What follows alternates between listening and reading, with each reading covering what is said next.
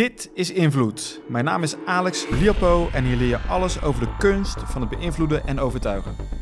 Deze aflevering praat ik met onderhandeldeskundige George van Houten. Wanneer je iedere onderhandeling wil winnen, dan is hij echt de persoon naar wie je toe moet gaan. Hij is schrijver van twee boeken, The 30 Tricks van het onderhandelen en Onderhandelen als het heet wordt. Beide zijn bestsellers geworden. Er komt ook nog een derde boek aan, dat hoorde ik net pas tijdens het gesprek. En daar gaan we het ook over hebben. Hij begeleidt onderhandelingen bij de absolute top van het bedrijfsleven en de politiek. Ook geeft hij verschillende masterclasses en trainingen. In deze uitzending gaan we diep in op de nuances van het onderhandelen. We zijn flink op dreef, dus hou je pen en papier klaar voor deze mini-masterclass. Alleen al met deze kennis begin je iedere onderhandeling met 5-0 voorsprong. Je zal verbaasd zijn welke belangrijke tactieken mensen vergeten toe te passen bij het onderhandelen. Dit is echt een van de beste gesprekken die ik heb gehad. Veel plezier en laat me weten wat je beste les was.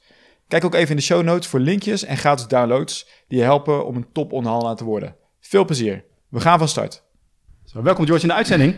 Nou, heel fijn. Dankjewel. Leuk om hier te zitten bij het uh, Olympisch Stadion. Uh, jij bent de, de meester onderhandelaar van Nederland. En je hebt ook twee boeken geschreven. Maar mijn eerste vraag is, hoe ben jij hierin zo terechtgekomen? Ja, eigenlijk heel toevallig. Uh, er zit geen uh, bewust carrièrepad achter. Uh, na mijn studie rechten ben ik uh, als een soort bedrijfsleider, logistiek manager bij een groothandel in bouw- en plaatmaterialen gaan werken. Nou, dat beviel, veel geleerd. maar op het hoofdkantoor waren wat verandertrajecten. En daar kwam ik in aanraking met adviesbureaus. Nou, dat sprak me heel erg aan. Nou, via via ben ik in contact gekomen met Willem Masterbroek, hè, professor Masterbroek, van Holland Consulting Group. Nou, daar ben ik gaan werken. Nou, en hij hield zich bezig met onderhandelen, had hij ook over geschreven, vaardiger onderhandelen. En die zei, is dat niks voor jou om uh, je daarin uh, te bekwamen? Toen ben ik met hem mee gaan lopen, begin je met uh, kleine workshopjes, trainingen en van het een komt het ander. En toen ben ik over gaan schrijven. Mm -hmm. Twee boeken, de Dirty Tricks van het onderhandelen en onderhandelen als het heet wordt. En ik ben nu met een derde boek bezig, de psychologie van het onderhandelen. Nou, ik wist daar dus niks vanaf, dat was heel toevallig. En de psychologie gaat dan dieper uh, op het onderhandelingsrecht in dan die andere boeken? Ja, dat, de Dirty Tricks van het onderhandelen, die, die beschrijft het onderhandelproces, de do's en don'ts en de dirty tricks die anderen eventueel kunnen toepassen, hoe ze herkent en pareert. Ja. Onderhandelen, als het heet wordt, gaat over specifieke, moeilijke momenten in een onderhandeling. Bijvoorbeeld, wat doe je als iemand uh, dreigt, iemand wordt boos, iemand is, heeft een machtige positie, iemand uh, dreigt met weglopen. en dit gaat veel meer over ehm, de emotionele, psychologische kant. Uh, ja, hoe reageer je onbewust? Uh, bijvoorbeeld, wat voor effect heeft anchoring of framing of loss aversion? En hoe kun je dat gebruiken dan wel pareren in onderhandelingen? Oké, lijkt een beetje op dirty tricks. Heb je het ook over anchoring, hoe dat werkt? Waar, waar zit het verschil in? Nou, dit gaat een stuk dieper. En Dirty Tricks beschrijft ook de fasering en de Dirty Tricks. Uh, er zit in elk onderhandelboek natuurlijk wat overlap, maar de focus ligt nu veel meer op uh, het bewust maken van uh, de niet-rationele processen in de onderhandeling. Kijk, en dat is ook waar heel veel van deze podcast over gaat. Vorige uitzending ook over gehad, over framing. En mijn vraag is, hè, mensen die bij jou komen voor een training, wat is nu het allermoeilijkste om ze aan te leren? Het bewust te onderhandelen. Kijk, onderhandelen op zich is geen rocket science. als ik bijvoorbeeld trainingen geef, dan vragen mensen, is er ook een vervolg? Nou, dat vervolg dat kan ik nog wel bieden of zelfs ontwikkelen op maat. Maar als ze daarna vragen van, ja, we willen een versie 3.0 dan geef ik de opdracht terug, want dan zeg ik ja, dan, dan is het wel eens een beetje klaar. Onderhandelen qua technieken is niet heel erg spannend. Als je alle boeken erop naslaat, dan zijn de regels allemaal wel een beetje hetzelfde. Namelijk, denk meer in belangen dan in standpunten. Ga exploreren, zorg voor een win-win situatie. Accepteer nooit het eerste voorstel en uh, uh, werk meerdere varianten uit waar je aan kunt kiezen, uit kunt kiezen. Ja, dat is de problematiek niet. De problematiek is, als je aan tafel zit en de spanning loopt op, de druk loopt op. Wat doe je dan? En dan zie je dat je aan de ene kant rationeel blijft handelen, maar ook heel vaak gestuurd wordt door gewoon reflexen, automatisme. Ja. En die onder controle krijgen is veel moeilijker dan de, de paar regeltjes die in al die boeken staan. Klopt, hè? en hetzelfde als dat je...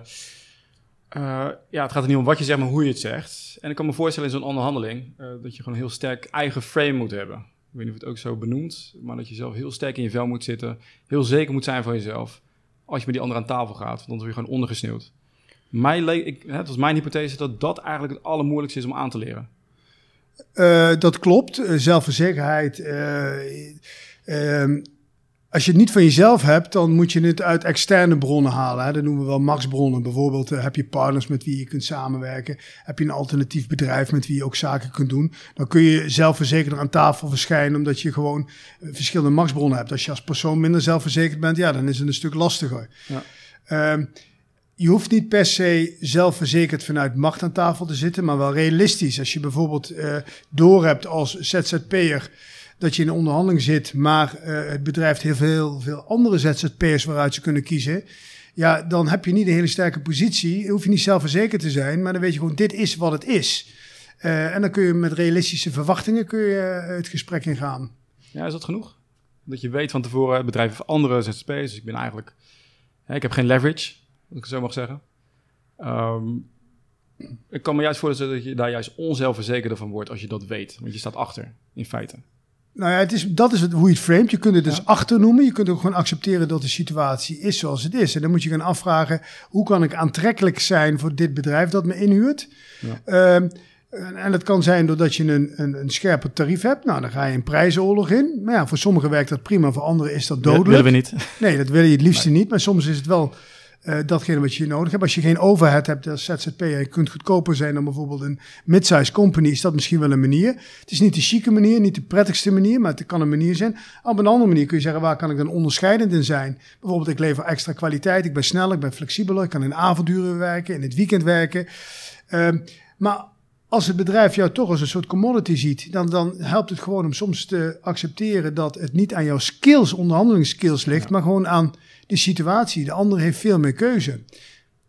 Hoe kan je jezelf in een situatie. Nou, ik, ik, blijf erop doorgaan, want ik kan, hè, ik kan niet van opgeven. Ik heb zoiets van: is er een mogelijkheid om daar in zo'n bedrijf binnen te komen met een heel sterk frame, een soort aura wat je uitstraalt, waarbij wow, dit is echt wel de autoriteit op dit gebied?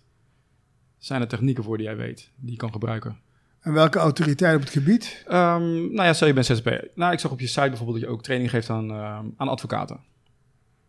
Nou, misschien is dat een slecht voorbeeld qua commodity, maar daarin moet je ook laten zien van wie ben jij en hoe sterk ben jij. Nou ja, kijk, wat, wat al natuurlijk helpt, is dat je je verdiept in de markt van die advocaat. Dus je moet weten, waar lopen die advocaten nou tegenaan? Nou, ik bedoel de advocaat die een cliënt wil, die zichzelf moet verkopen. Nee, bijvoorbeeld als jij nu komt, als bijvoorbeeld ik bijvoorbeeld als onderhandeltrainer ga naar een advocaatkantoor toe. Er zijn heel veel onderhandeltrainers. Ja.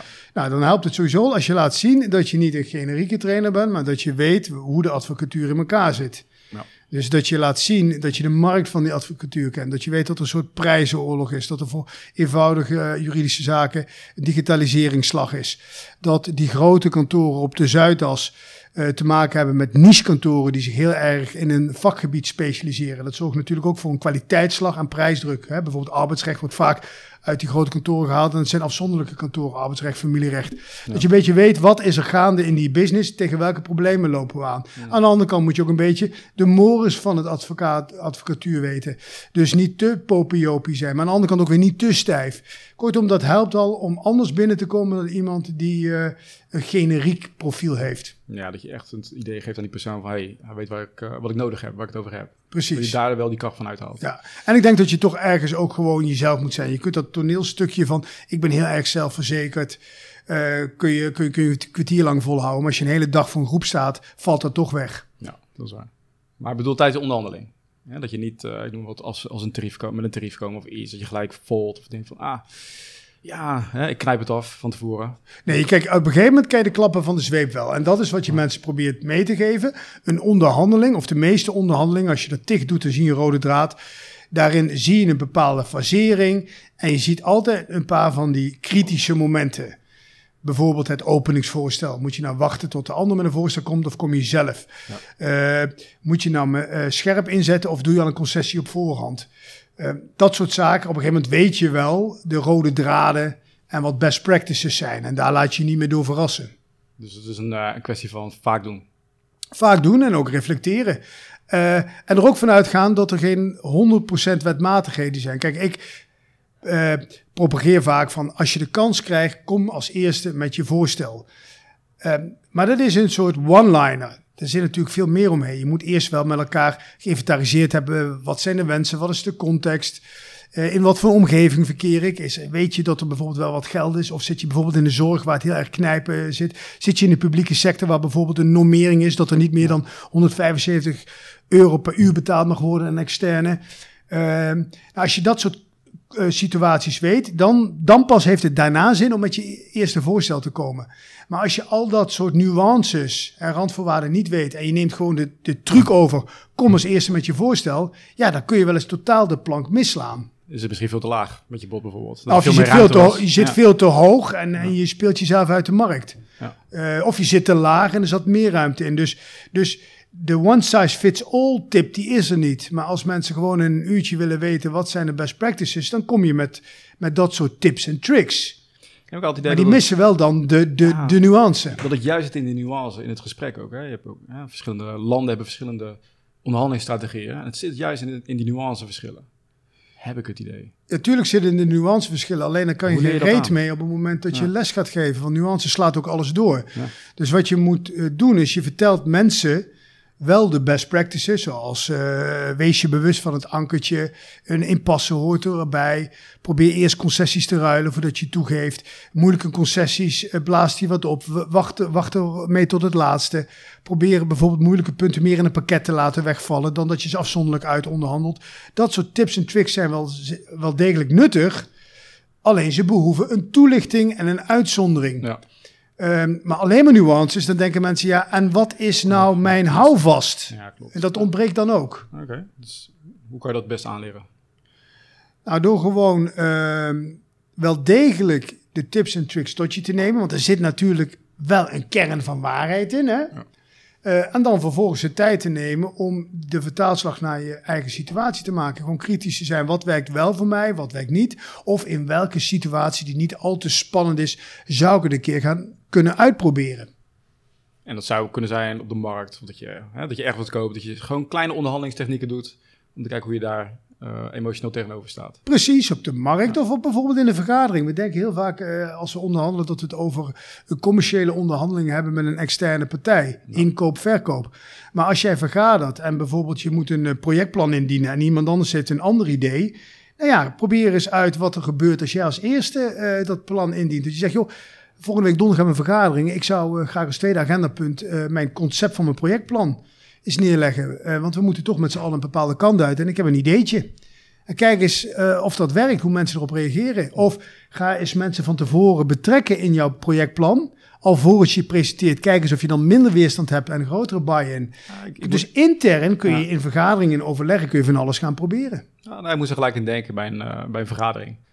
Ja, ga van tevoren mensen achter je zien te krijgen. En niet zo'n punt alleen maar in de vergadering zelf krijgen. Of ter sprake brengen. Precies, het is niet zozeer de kwaliteit van je plan alleen dat bepaalt of iets geaccepteerd wordt, maar ook welke mensen heb je aan je weten te binden. Ja.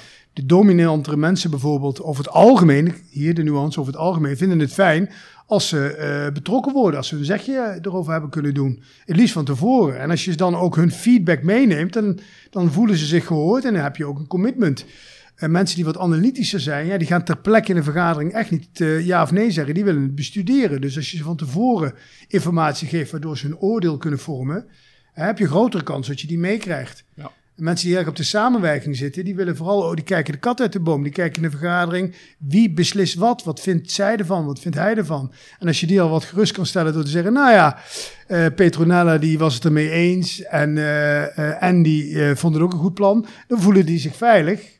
Want die willen niet uitgesloten worden de verkeerde kant Het is, het is een heel, nou, jou niet meer, maar het is een heel complex spel. Het is echt niet... Ik denk dat onderhandelen ook wel eens uh, wordt gezien als uh, ik win. ik ben de sterkste tijdens het gesprek. Uh, dat je bijvoorbeeld over een, een, prijs onderhandelt.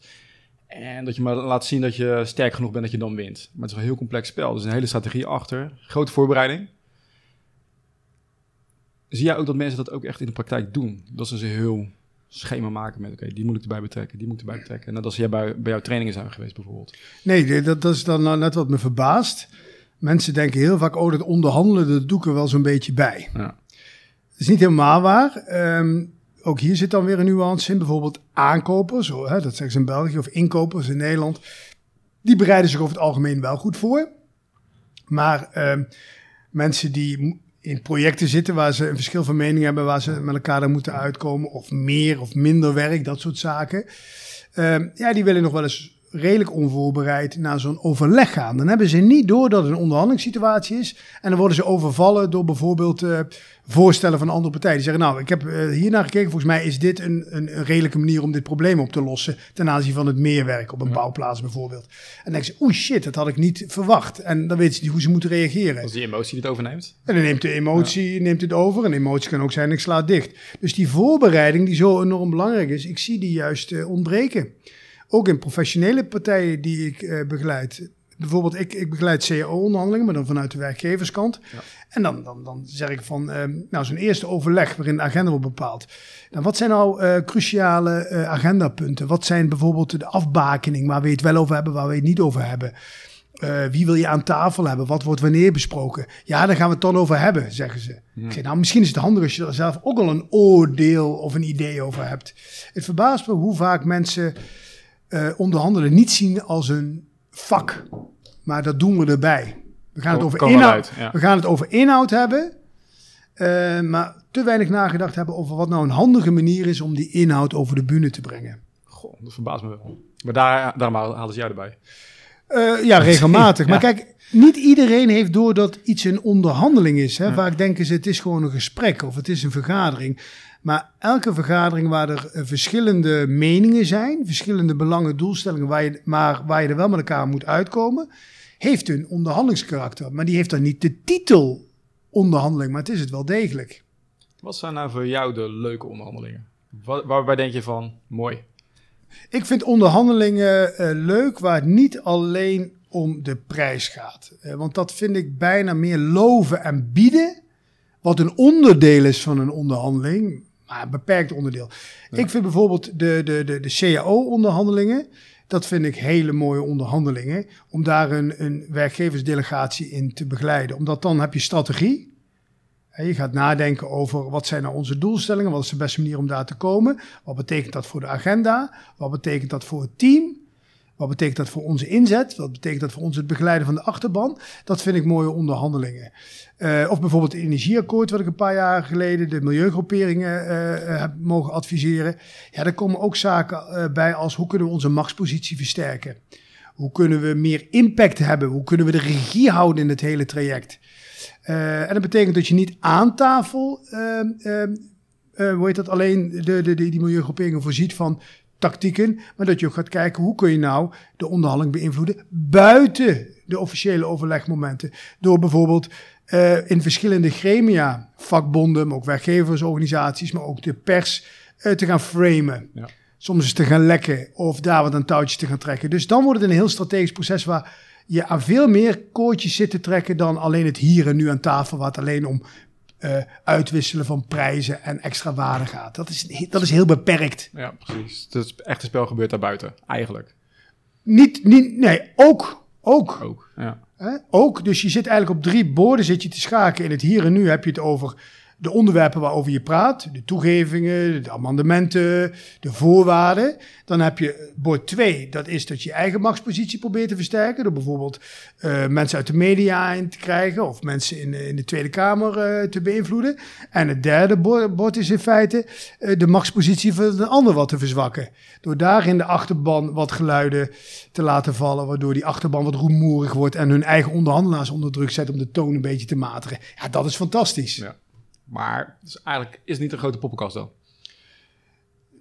Nee, dat wordt wel vaak te, te, makkelijk gezegd. Er wordt gezegd, ja, voor de achterban moet er een kunstje worden opgevoerd. Hè. Nu bij de, bijvoorbeeld bij de formatiebesprekingen. Ja. Wordt we, misschien we moeten even de druk opvoeren. Weet je wat, we, we lopen weg en daarna komen we weer ja, terug. Ja, Zo, ja, nou dat is een combinatie. Soms zal het voor de achterban zijn. Maar alleen poppenkast is een beetje dun. Kijk, onderhandelen is soms ook een rouwproces. Hè? Mensen verwachten heel veel en uiteindelijk moeten ze met minder genoegen nemen. Bijvoorbeeld wat er nu gebeurt bij GroenLinks. Ja, die zullen een aantal milieuaspecten zullen ze in, in de formatie in willen brengen in het regeerakkoord. Maar dat gaat niet lukken. Als je daar te snel mee akkoord gaat, A, accepteert je achterban dat niet. B, denken de huidige onderhandelpartners dat is makkelijk. Als we de druk opvoeren, laat die wat vallen. Uh, en B, um, Um, uh, men moet ook gewoon sommige dingen even laten rijpen, waardoor mensen langzaam aan het idee wennen ja. dat ze toch wat moeten toegeven, dat ze hun eisen uh, een beetje moeten matigen. Dus, dus het is gewoon nodig om stevigheid te, te tonen en om gewoon even eh, het proces in gang te laten gaan. Ja. Te laten rijpen, eh, mensen aan ideeën te laten wennen. Je, je creëert een nieuwe werkelijkheid met elkaar. Nou, dat is dat reframing eigenlijk. En jij komt steeds terug op het frame. Het Ja, is soms het ook een woord. beetje oog, oog voor het proces hebben. Ja, proces misschien een beter woord. Ja. Van, hè, het is een soort dans, een spel. Het duurt, hè, je kan het niet gelijk doen. En achterban, die moet er inderdaad aan wennen. Ja, Die zitten niet bij die gesprek aan tafel. Die zien misschien niet het grote plaatje. ja, maar ook de onderhandelaars zelf, hè, die tasten toch af wat is, wat is hard, wat is zacht. Ehm, wat kunnen we eventueel eh, creatief anders formuleren? Welke uitruilmogelijkheden zijn er? Wat zijn de prioriteiten? En dat weet je van tevoren gewoon allemaal niet. Dat weet je niet. Dus je zult in een onderhandeling moeten verkennen, aftasten hoe de ander reageert op voorstellen van jou en wat, wat haalbaar is. Als ik bijvoorbeeld mijn deadline verschuif, zou ik dan misschien wel eh, een wat hoger tarief kunnen vragen. Of ik kan zakken in mijn prijszetting als ik het in een wat rustigere zomerperiode voor u mag realiseren. Ja, dat heeft tijd nodig, dat soort opties met elkaar doornemen. Wat zijn nou eh, misschien situaties uit de praktijk waarbij echt gewoon in passen, waarbij de tegenpartij of de andere partij misschien een beter woord gewoon niks toegaf. En misschien zelfs boos werd. Dit gebeurt ook. Wat is de eerste reactie die je moet geven als iemand met een boze reactie komt? Nou, de eerste reactie bij jezelf is in ieder geval dat je tot drie telt. En dat je denkt van, hé, hey, hij is boos. Dat is best een lastige situatie om mee te gaan. Hoe wil ik nu dat ik reageer? Gewoon even hardop denkend. Dan koop je in ieder geval tijd en neemt hopelijk de spanning bij je af. Ja. Kijk, wat je niet moet doen is impulsief reageren en of zelf boos worden of toegeven. Hè? Nee, maar gewoon even afstand nemen, figuurlijke zin. Misschien ook wel onderkennen dat je een spannende situatie vindt. Eh, en dan zou je bijvoorbeeld het sowieso over die boosheid kunnen hebben. En dan hoef je niet te zeggen, ik zie dat je boos bent. Dat komt soms ook wat geknutseld over. Werkt thuis ook niet. Maar nee, dat werkt thuis ook niet. Maar je kunt ook wel zeggen, eh, nou, wat veroorzaakt nou deze reactie? Of re reageer eens wat nou wat nu maakt dat je zo, zo, zo heftig reageert. Dus ik zou het wel een beetje op inhoud blijven sturen, want ja, het hoeft geen soft geneuzel te worden. Nee. Maar dat is een combinatie dat je wel ergens die boosheid adresseert. Eh, of dat je zegt, nou, volgens mij lopen de emoties op, tijd om even een kopje koffie te drinken. Of, eh, nou, ehm, we zitten ver uit elkaar. Ik zou wel iets van benoemen doen. En dan geef je de ander ook weer gelegenheid om te reageren. Ja. Wat je niet moet doen, is op dat moment meteen toegeven of zelf boos worden. Nee, precies. Eh, loopt alleen maar op. En het kan ook een tactiek zijn van de andere partij. Ja, Hè? Van, oh, dus we komen er niet uit. ja, Gesprek beëindigd. ja. En wat je ook kunt doen, is gewoon af en toe eens een keer iemand anders het woord geven. De neiging is altijd om de meeste energie te steken in iemand die het woord steeds neemt, of heftig reageert of boos is. Maar zeker in een vergadering kun je zeggen: eh, Nou, Jet, ik zie dat jij heel boos bent, maar eh, ik zou ook wel wel even willen weten wat Peter ervan vindt. Nou, Dan de energie verplaatsen. ja, de energie verplaatsen, ja. Er zijn ook weer heel veel tactieken voor. Of gewoon niet, of niet eens op ingaan. Gewoon negeren. Verder gaan op een ander punt. Ja, dat kan ook. Dat is ook een hele goeie. Dat je zegt van dit punt, eh, daar zitten we ver uit elkaar. Er levert heftige reacties op. En misschien is het verstandig om dat even te parkeren. Laten we nu doorgaan over eh, de legal issues. Ja. Ik noem maar wat. Eh, probeer de regie te houden in ieder geval. En, en de neiging is altijd om, om, om te reageren op datgene wat de meeste energie oplevert. Dus boosheid, inhoud waar veel gespart wordt. Maar het parkeren, waardoor mensen langzaam aan het idee gaan wennen, tijd een helende werking heeft en het over andere onderwerpen te hebben en het later erbij trekken, Ja. dan reframe je het toch een beetje, hè, want dan komt het in een pakket, is eh, vaak een betere tactiek. ja. Nou, dat, misschien gaat je boek daar ook over. Van hoe zorgen dat je die controle houdt. Hè? Jij kan nu heel makkelijk, kan je zeggen, nou, eh, ik ga de energie steken aan iemand anders. Kan je de trainen onder druk? Met rollenspel of iets dergelijks. Valt dat te doen? Ja, tuurlijk valt het te trainen. Hè. Bijvoorbeeld eh, in het leger en ja, jou wel bekend in de politie wordt natuurlijk heel veel getraind. Ja. Dus door training kun je je bekwamen. Eh, maar dat is geen garantie. Zie het maar als penalty schieten. Het is wel degelijk Ja. zo dat je door middel van veel oefenen een soort automatisme krijgt, een soort techniek. Dat neemt niet weg dat de druk van het moment, het presteren van hè, die, die penalty nemen tijdens een finale of een belangrijk moment, eh, dat je daar minder goed in kan trainen. Ja. Ehm, de, dus 100% de situatie nabootsen kan niet, maar je kunt wel reflexautomatisme intrainen. Wat, wat je wel kunt aanleren, is wat vaker te schorsen. En dat vind ik wel opmerkelijk, dat mensen nemen hopelijk, het gebeurt in de praktijk te weinig zoals ik al zei, maar wel tijd om zich voor te bereiden. En dan de eerste paar minuten zijn ze nog heel bewust van wat ze zeggen, hoe ze het zeggen, hoe de ander reageert. Hè? Beetje krampachtig zelfs. Maar gaandeweg het gesprek vervallen we toch in een, in een ja, normaal gedrag. Automatisch gedrag. Dat is maar goed ook, want dan zou je veel te krampachtig bezig zijn. Alleen dan zie je dat zeker als het conflict, het prijsverschil of de termijn of de, de terms en conditions, als die uit elkaar lopen, ehm, dat men uh, spanning gaat ervaren, vaak onbewust, en dat men automatisch gaat reageren.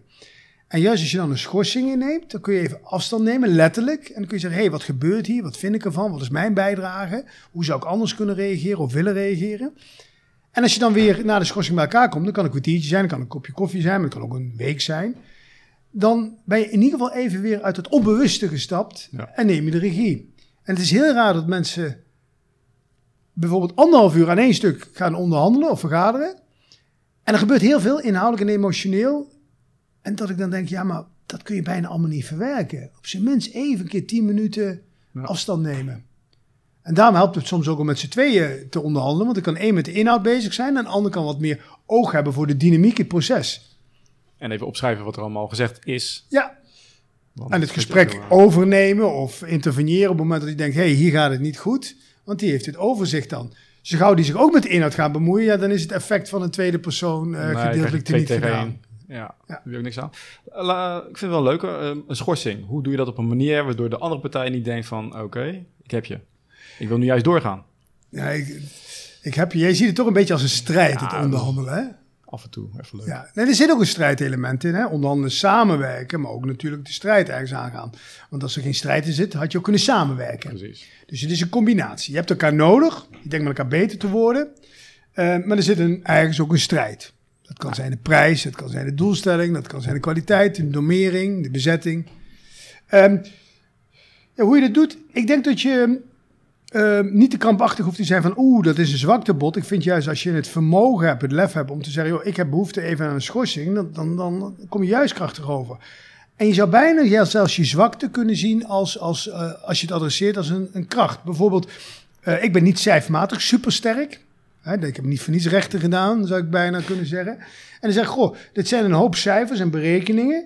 Uh, die kan ik niet meteen overzien. Ik heb even tijd nodig om uh, die op me in te laten werken en uh, te doorgronden. Ehm, ik stel voor dat we even eh, een pauze nemen. Ja, ja, ik zag zoiets. Ja, ik kan, nou ja, ik kan me voorstellen dat de andere partij die denkt... Hey, als ik nu even doorzet of ik laat die stilte nog langer doorgaan... dan breekt die ander. Ja, Kijk, en ik vind het ook altijd bijvoorbeeld die zo'n zo, zo, zo, zo eye staring hè, of, eyeballing of wat is het, waarin er een stilte valt en we dan allemaal heel ja. erg geleerd hebben wie als eerste de stilte doorbreekt is te verliezen. Wat een flauwekul is dat. Je kunt beter een grapje maken. Je zegt, joh, we zitten elkaar nu aan te kijken en uh, een stilte te laten vallen. Maar dat stadium zijn we toch wel voorbij. Nou, ik ga het woord, niet, noemen, ga het woord niet noemen, maar uh, inderdaad, je, laat het, je geeft een ander kader. Ja. Ja, klopt. Ja, dat zijn van die vaste regels. Hè? Van als je dit doet, dan dat. Ja, dat hè? Dan heb je een uh, gesprek waarbij iedereen vijf minuten stil is. Ja. Bij veel voorbeelden. Waarbij we allemaal weten, we zijn nu het, uh, uh, een spelletje aan het spelen. Klopt, ja. Dus je laat zien dat je erboven staat. Dat je erboven staat, ja. ja. wanneer kom je op een nieuw boek uit? nou, mijn uitgever wil het ergens in oktober klaar hebben, zodat voor de feestdagen er ligt. Ik zelf ook. Ja. Maar ik kan niet garanderen dat het lukt. Eh, dat heeft ook te maken met uh, uh, mijn eigen bezetting, om het zo maar te zeggen. Ik begeleid ook onderhandelingen, ad hoc lezingen en, en, en trainingen. Um, en ik, ik, heb natuurlijk ook een nieuw bedrijf, Elephant Road, dat online trainingen maakt. En daar gaat ontzettend veel tijd in zitten. Ja, daar wil ik het zo ook over hebben. Elephant Road, ik vind het heel leuk om weer een nieuw leerplatform te zien in Nederland. Dus daar gaan we het zeker zo ook over hebben. Uh, maar jouw boek, hè, het gaat meer over de emotie erachter. Wat leren we daarvan? De emotie die erachter zit. Ja, de emotie en de psychologie. Ja. Nou, je leert uh, in principe de, de psychologische um, fenomenen. Hè, loss aversion, anchoring, um, framing. eh, wat die, eh, hoe mensen daarop reageren. Dat we niet zo rationeel alleen maar reageren, maar ook vaak automatisch, reflexmatig. Hè? Of wat, zoals Daniel Kahneman het zo mooi beschrijft. We hebben, een, eh, we hebben twee breinsystemen. Het snelle, het impulsieve, het intuïtieve en het rationele. Ja. Thinking slow and fast. Nou, da- da- daar gaat het om. En dan vertaald naar onderhandelingssituaties. Ja, voor de mensen die het niet weten, die eh, Daniel Kahneman die heeft het over iets van 5% gaat bewust en 35% onbewust. Als ik het zo uit mijn hoofd nog Ja, weet. ja. Dat?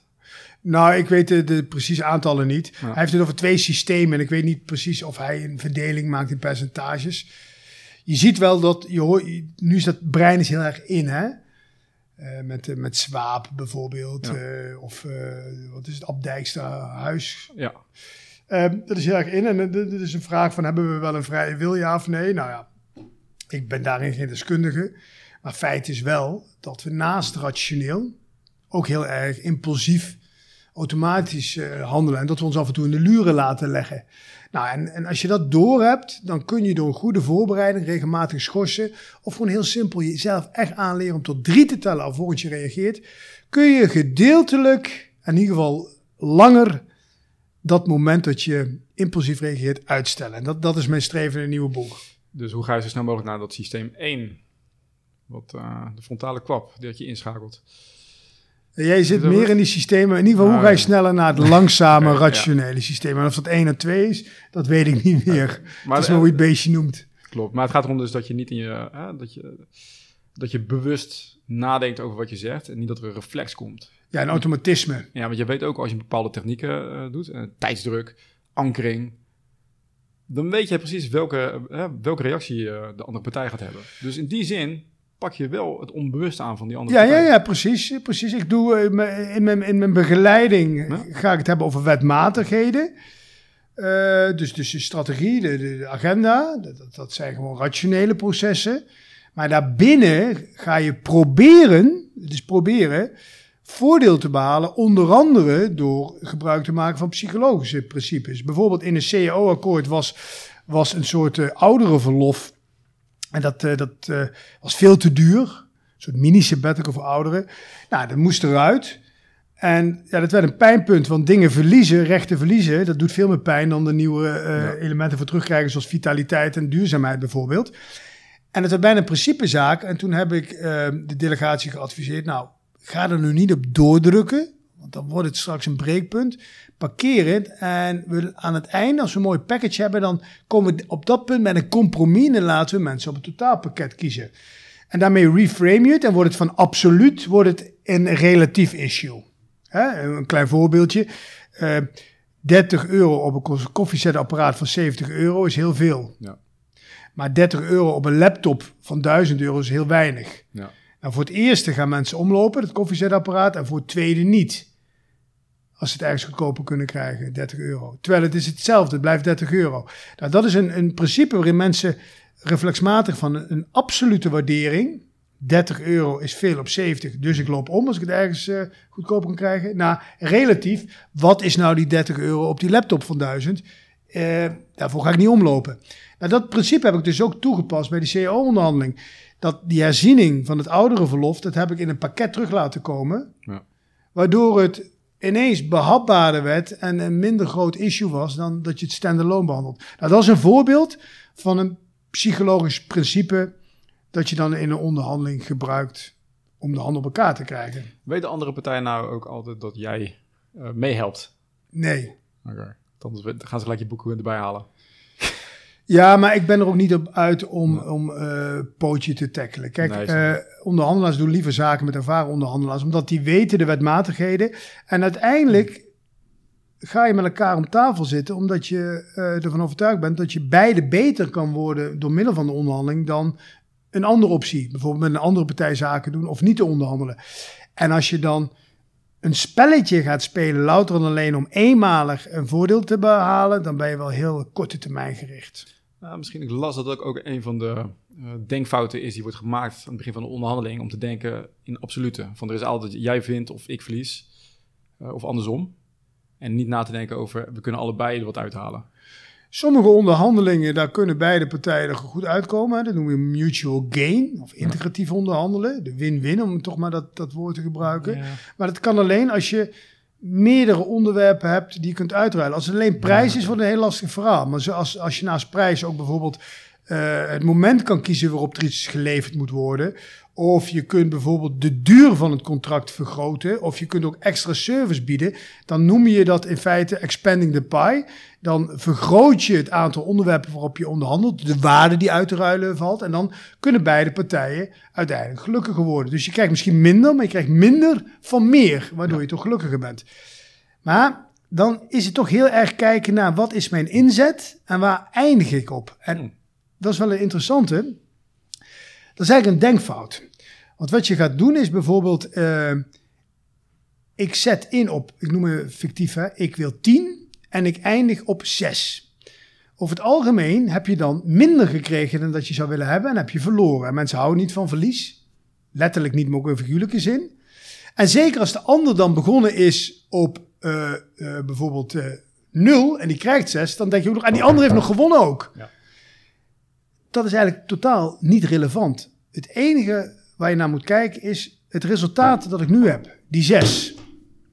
Is die beter dan dat ik buiten de onderhandeltafel kan krijgen? Is die beter dan mijn alternatief? En als het antwoord daarop ja is, dan heb je dus winst. Dan heb je dus een beter resultaat dan dat je buiten de onderhandeltafel kan krijgen. Komt het ook terug in je boek over wees je bewust van je eigen denkfouten? Ja, dat, dat komt zeker terug. En als je nu, nu even naar de praktijksituatie gaat, dat, dat kan ik je op een briefje uh, zetten. In de onderhandelingen bij de formatie, dan gaan natuurlijk partijen kijken wat is onze inzet geweest, of wat is onze uh, verkiezingsbelofte geweest, en wat heb ik in het regeerakkoord weten te uh, realiseren. Ja.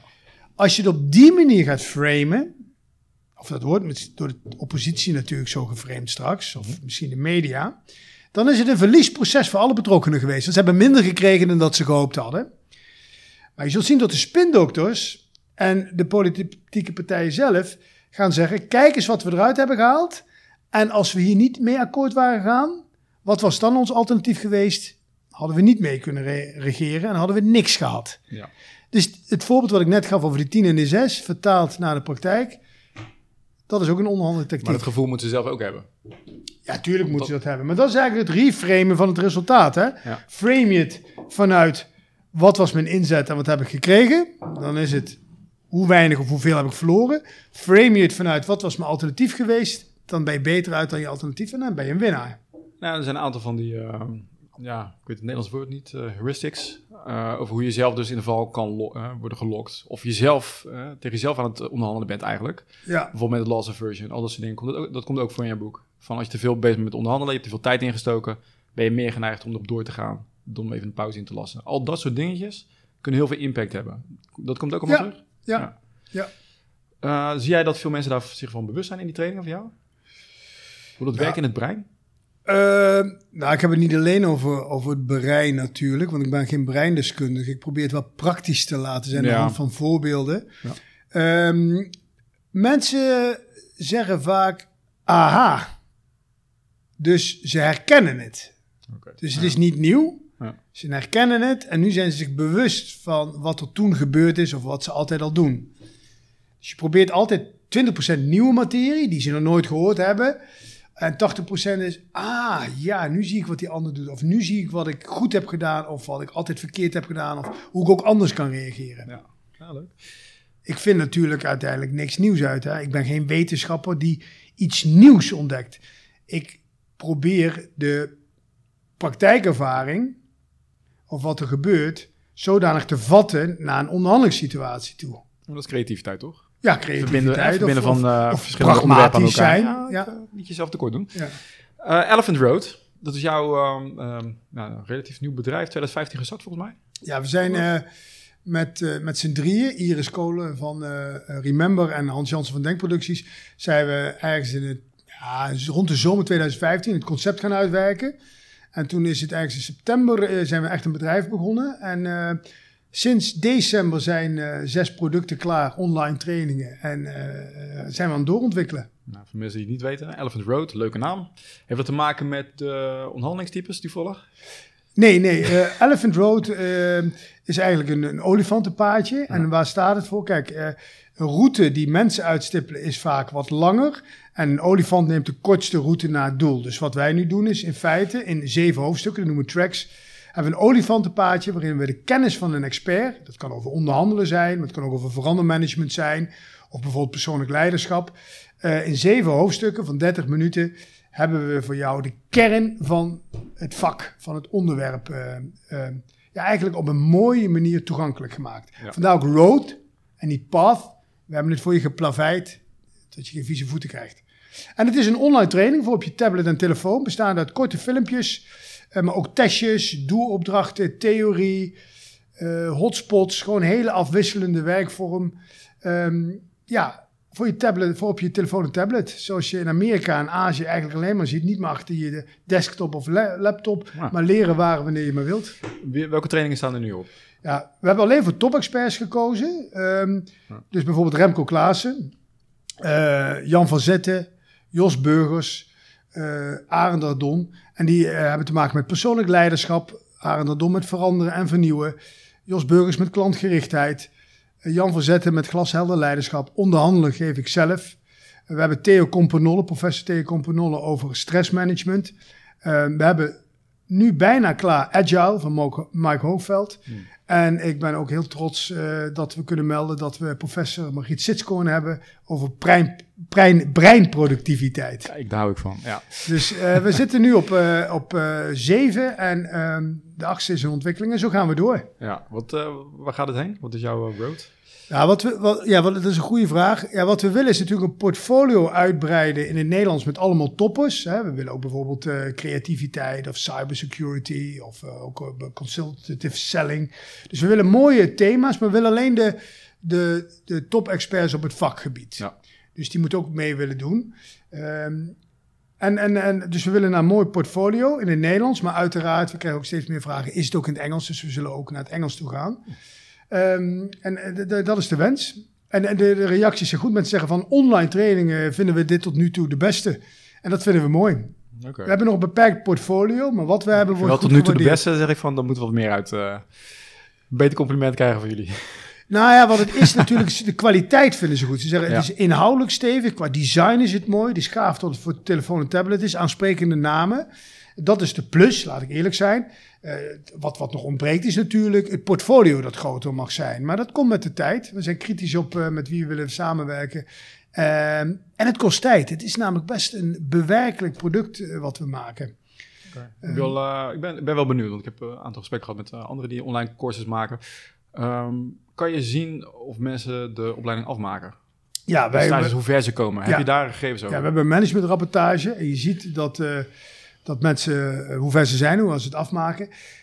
Het lastige bij online training is inderdaad, beginnen mensen eraan of nog meer maken ze het af. Kijk, ehm, het is geen Netflix hè. Sommige mensen die ehm, zien een online training als, als een soort Netflix-serie van ik ga lui achterover hangen en ik laat me vermaken. Nee, dat is het niet.